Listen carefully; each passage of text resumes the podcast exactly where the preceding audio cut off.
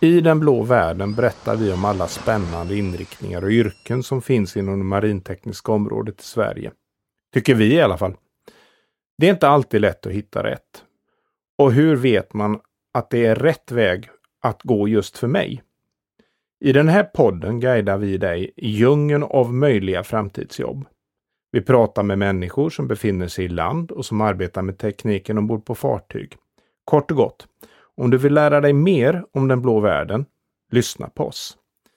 Vi är Fredrik von Elen med bakgrund som befäl i tankfartyg och Rebecka Möller, kommunikatör och före detta journalist.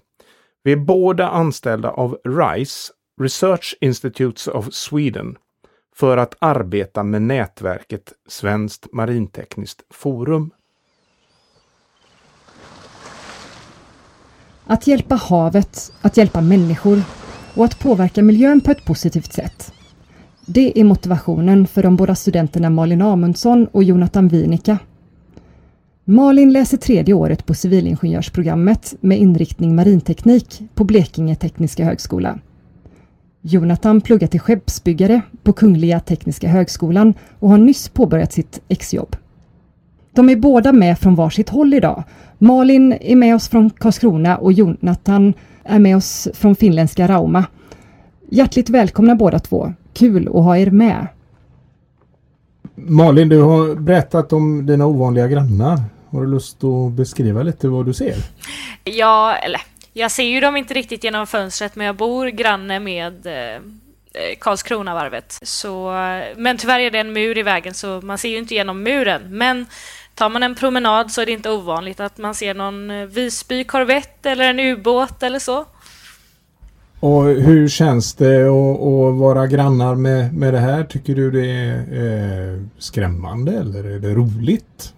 Nej men det är, det är kul. Eh, det kändes väldigt eh, ja, men det kändes väldigt overkligt i början när man flyttade hit. Att se ja, dessa gigantiska båtar fulla med teknik och allt möjligt. Eh, och det kändes lite som att man var i en film. Eh, men nu så är det ju, nu är det ju vardag. Jonathan, eh, du pluggar på KTH men har pratat finska hemma. Du lärde dig läsa svenska ganska sent. Berätta.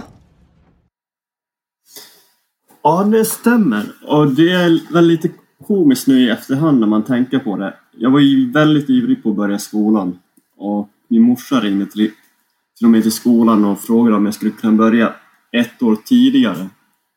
Men jag fick vänta som alla andra. Sen när jag började skolan så kunde jag bara tre år på svenska som jag hade lärt mig från en finsk ramsa.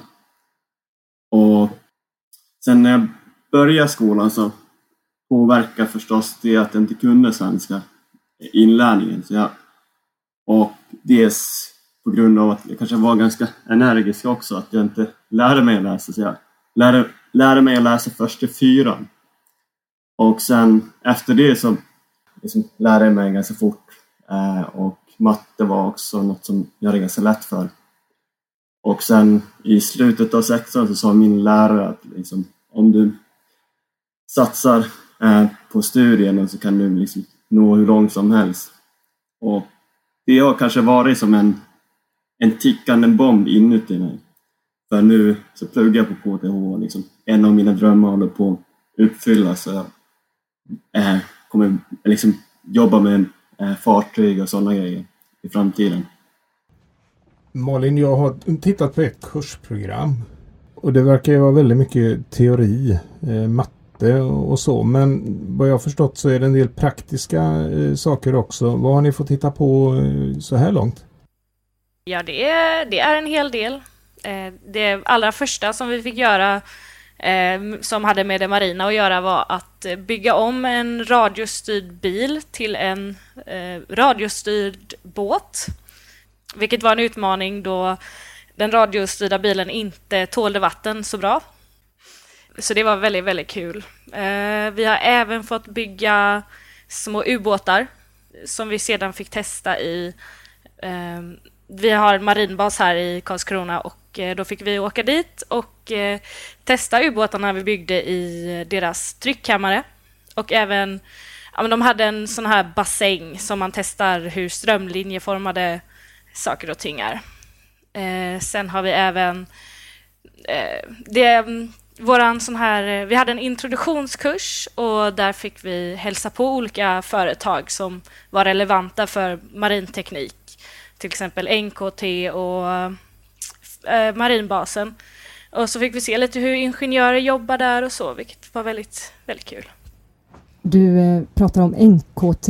Vad, vad är det för någonting? Det är ett eh, företag som tillverkar huvudsakligen havskablar men också landkablar. De här ubåtarna ni byggde, jag har hört att det var lite special materialval. Kan du berätta lite mer om det? ja, vi ville bygga en eh, hållbar ubåt. Eh, eller det är ju inte en riktig ubåt för den fungerar ju inte. Eh, eller eh, vi ville välja ett hållbart material och därför valde vi att använda något som vi återvunnit, vilket var snusdosor. Vi byggde båten av eh, 40 snusdosor eh, och båten fick sedan namnet SS Prillan. Det var lite fyndigt. Det är lite Göteborgshumor över det där tycker jag. Eh, kan inte du berätta lite också? Eh, du tillhör ju faktiskt första kullen utav eh, studenter på din utbildning. Så du är lite utav testkanin. Eh, hur, hur ser en möjlighet att påverka ut Malin? Uh, ja, alltså vi får ju vara väldigt duktiga med kursutvärderingar uh, och så vidare. Vi har ju många standardkurser som finns för civilingenjörer men sen har vi ju de kurser som är nya för just oss. Uh, och vi, får, vi tar dessa kurser och under kursens gång tänker vi efter om vad vi tycker och är det något som inte fungerar så säger vi till och så får de åtgärda det och, och i vissa fall så fungerar kursen jättebra. Karlskrona kallas eh, ju för eh, marinteknikens huvudstad. Eh, vi, har, ja, men vi har till exempel Försvarsmakten, Kustbevakningen, NKT som jag nämnde förut och Saab som är väldigt nära till hands och jag tror att hittills har vi varit på studiebesök på alla dessa företag förutom Saab och Kursbevakningen. Eh, men jag vet att vi kommer få hälsa på Saab Kockums, tror jag, under nästa läsperiod. Eh, och eh, de har nämnt oss på... Vi har haft... Vi har blivit inbjudna till... Ja, men det var någon marin dag som de hade på skolan och så kom just Saab och sa att eh, de behövde våran kompetens. Ja, jätteroligt Malin. Eh, jag tittade ju också i kursprogrammet och insåg att här finns sensorsystem och hydroakustik eh, med sonarer. Har du lust att berätta lite vad man använder den tekniken till? Ja, vi läser de kurserna för att sedan kunna förstå fysiken bakom radar, metalldetektion under vatten och sonarer, vilket är jätteviktiga hjälpmedel inom marinteknik. Jonathan, du var i Portugal som utbytesstudent. Vad var det viktigaste du tog med dig därifrån? Det var ju en helt fantastisk upplev upplevelse att vara på utbyte.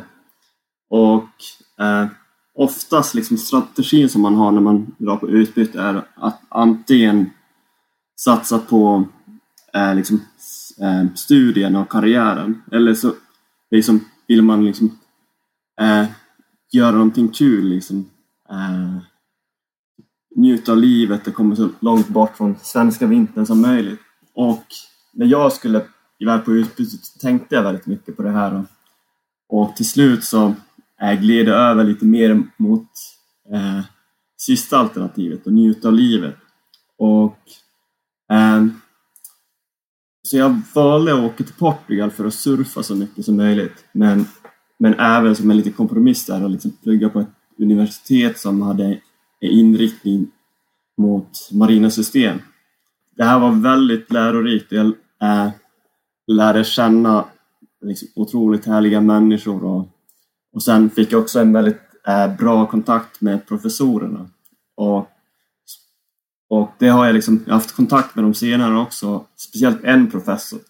Han sa till mig att, att, eh, att jag skulle kunna kontakta honom när som helst när det gäller liksom, skeppsbyggnad. Och sen ett tips som han gav mig var att eh, satsa på att jobba i ett litet varv i början av, av karriären, för det är där man lär sig allra mest. Och det är också därför som jag jobbar, eller gör mitt exjobb nu på Marina System i, i Finland, och RMC. Så ja, det var väldigt inspirerande. Kan rekommendera det varmt för alla. Det låter eh, jättekul och spännande och särskilt att kunna göra både och. Eh, plugga och njuta av livet ännu mer eh, på sydligare breddgrader. Eh, du nämnde ju ditt exjobb där. Eh, vad, vad, går det ut på? Eh, jo, eh, jag gör ett exjobb på eh, varvet i Finland, RMC eller Rauma Marine Construction. Och RMC bygger isbrytare, krigsfartyg och eh, färjor. Och mitt exjobb eh, handlar om att studera det adderade vågmotståndet för färger. Och vad är egentligen det här adderade vågmotståndet? Eh, det är egentligen liksom, eh, liksom eh, hur mycket eh, motståndet ökar på grund av eh, vågorna. Och det här är ett ganska komplicerat problem. Men i stora drag så kan man säga att det eh, beror på två fenomen och det ena är eh, radiation som man kallar det och det handlar om liksom fartygets rörelse. Så när fartyget åker i vatten så påverkar vågorna fartyget så det börjar röra sig. Och den här rörelsen det är förlorad energi. Och det, det är liksom det ena fenomenet. Och det andra kallas för diffraktion. Och det handlar om att när eh, fartyget rör sig eh, bland vågorna så kommer de här vågorna mot fartyget och sen när de slår mot skrovet och reflekteras åker i annan riktning så där förlorar man också energi. Och det som är, eh, kan vara intressant att veta är att i vanliga fall så optimeras fartygsskrov för stilla vattenförhållanden. Eh, och då är det liksom helt spegelblank eh, vattenyta och inga vågor överhuvudtaget. Och, Eh, men inom skeppsbyggnad så finns en trend för att liksom skapa eller designa mer miljömedvetna eh, eller miljövänliga fartyg och det bästa sättet är att göra fartyg mer effektiva. Så det finns två grejer som man kan göra egentligen. Det är minska hastigheten eller göra större fartyg.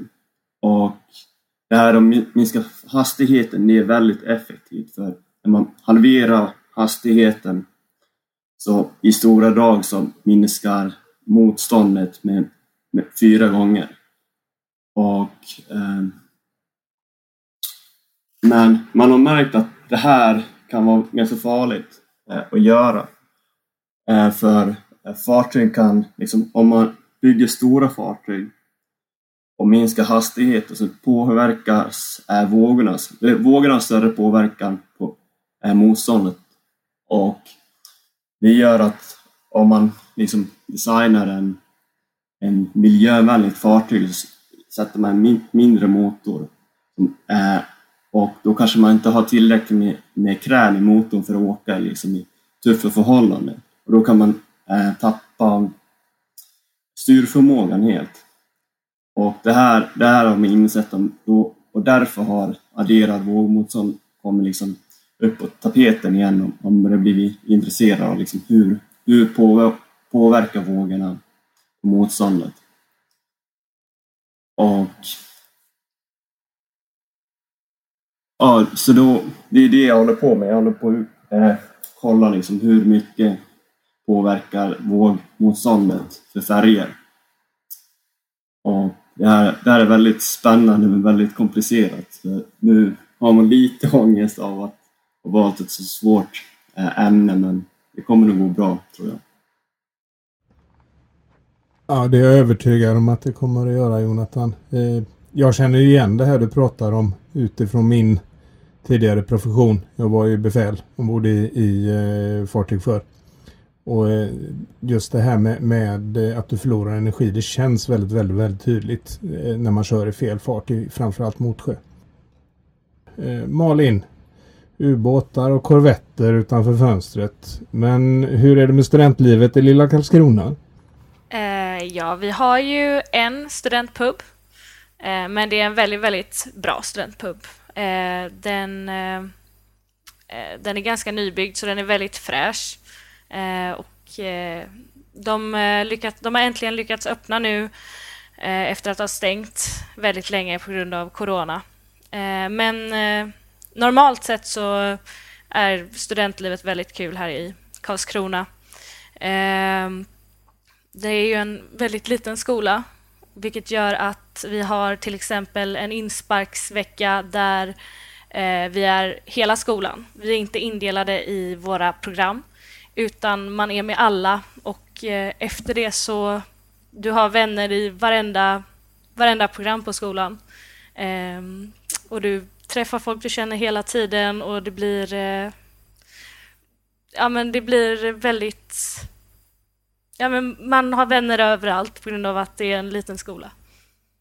Vilken bra grej ändå och eh, inte dela in folk i fack från början utan man lär känna varandra och sen jaha, du pluggar det programmet, jag pluggar det. Hur många elever är det på skolan totalt Malin? Oj, eh, det, det, vet jag inte riktigt. Eh, vi är ju som sagt eh, nio personer i min klass just nu. Ehm, men marinteknik är, de tar inte in så många för tillfället. Men i de större programmen är det väl kanske 50 personer som börjar och om jag har hört rätt så tar de in två, varit ungefär 2000 personer som kom in i år. När du har hört det här om eh, Karlskrona, Jonathan, du som eh, pluggar eh, i Stockholm, vad, ehm, vad, vad, vad, säger du i jämförelse med Karlskrona? Hur är det att plugga i Stockholm när man delar stad med kulturminister och kronprinsessa? Bra fråga. Liksom, jag har inte pluggat på Karlskrona, men jag har faktiskt varit där. Vi var på en studieresa från med Jakob Kuttenkeller, så då var vi faktiskt både på Saab Kockums och sen varvet i Karlskrona.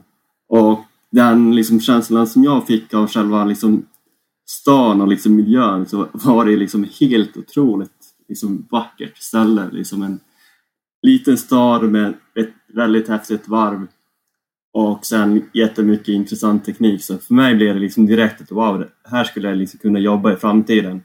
Och nu, liksom jag, nu är jag i, i Rauma och det är liksom väldigt... På många sätt så är det liksom en likna, liknande litet, liten stad och häftigt varv. Men studien på KTH, eh, jag tror liksom det är nog en ganska individuell liksom, upplevelse för varje student. För mig har det varit liksom att det har verkligen varit liksom en, en intellektuell utmaning. Liksom, de, jag tror första tre åren är, är nog tuffa för all, allihop. Liksom det är jättemycket matematik och fysik och för mig var det lite oj, liksom, eh, jag ville ju plugga liksom mer, någonting mer tillämpat. Och det är liksom, man måste gå igenom de här tre första åren för att liksom kunna tillämpa det senare. Det låter bra.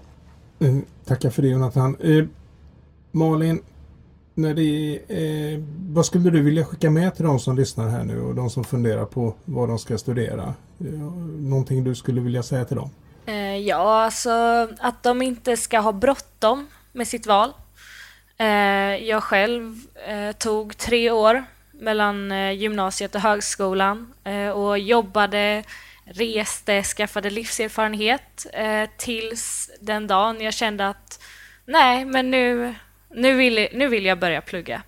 Eh, och jag har väl alltid vetat att jag eh, ville bli ingenjör.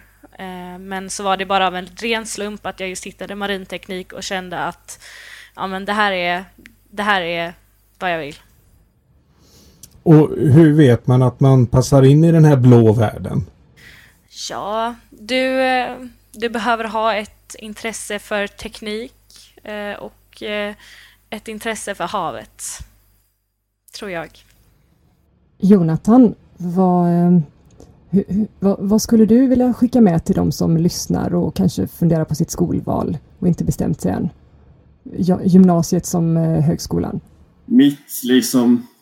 Eh, mitt tips är, är, är, kanske lite klyschigt men eh, det är jätteviktigt att försöka lyssna på sitt hjärta. Och om man inte har en, liksom, en stark känsla eller dragkraft till någonting så är det bättre att ta ett sabbatsår. Eh, trenden eh, som vi vet nu är ju att vi måste mot en mer hållbar utveckling. Och som transportmedel är ju fartyg den liksom mest miljövänliga. Eh, så därför, så om, om vi gör liksom är kloka val så kommer ju liksom eh, marina branschen att öka eh, jämfört med andra transportmöjligheter. eh, eh Och sen om, om man har liksom en sti, eh, drivkraft inom sig att man, man vill hålla på med miljöfrågor och hållbar utveckling så, så det här är en bransch där man faktiskt kan ha stor påverkan. Malin och Jonathan, tusen tack för din medverkan. Eh, väldigt roligt att få en liten inblick i eran vardag som studenter på eh, marintekniska utbildningar. Jag vill önska er stort lycka till och eh, hoppas att ni får en väldigt spännande framtid i den marintekniska branschen. Tack så mycket! Tack själva! Tack för att jag fick vara med! Hej då! Hej då! Hej då!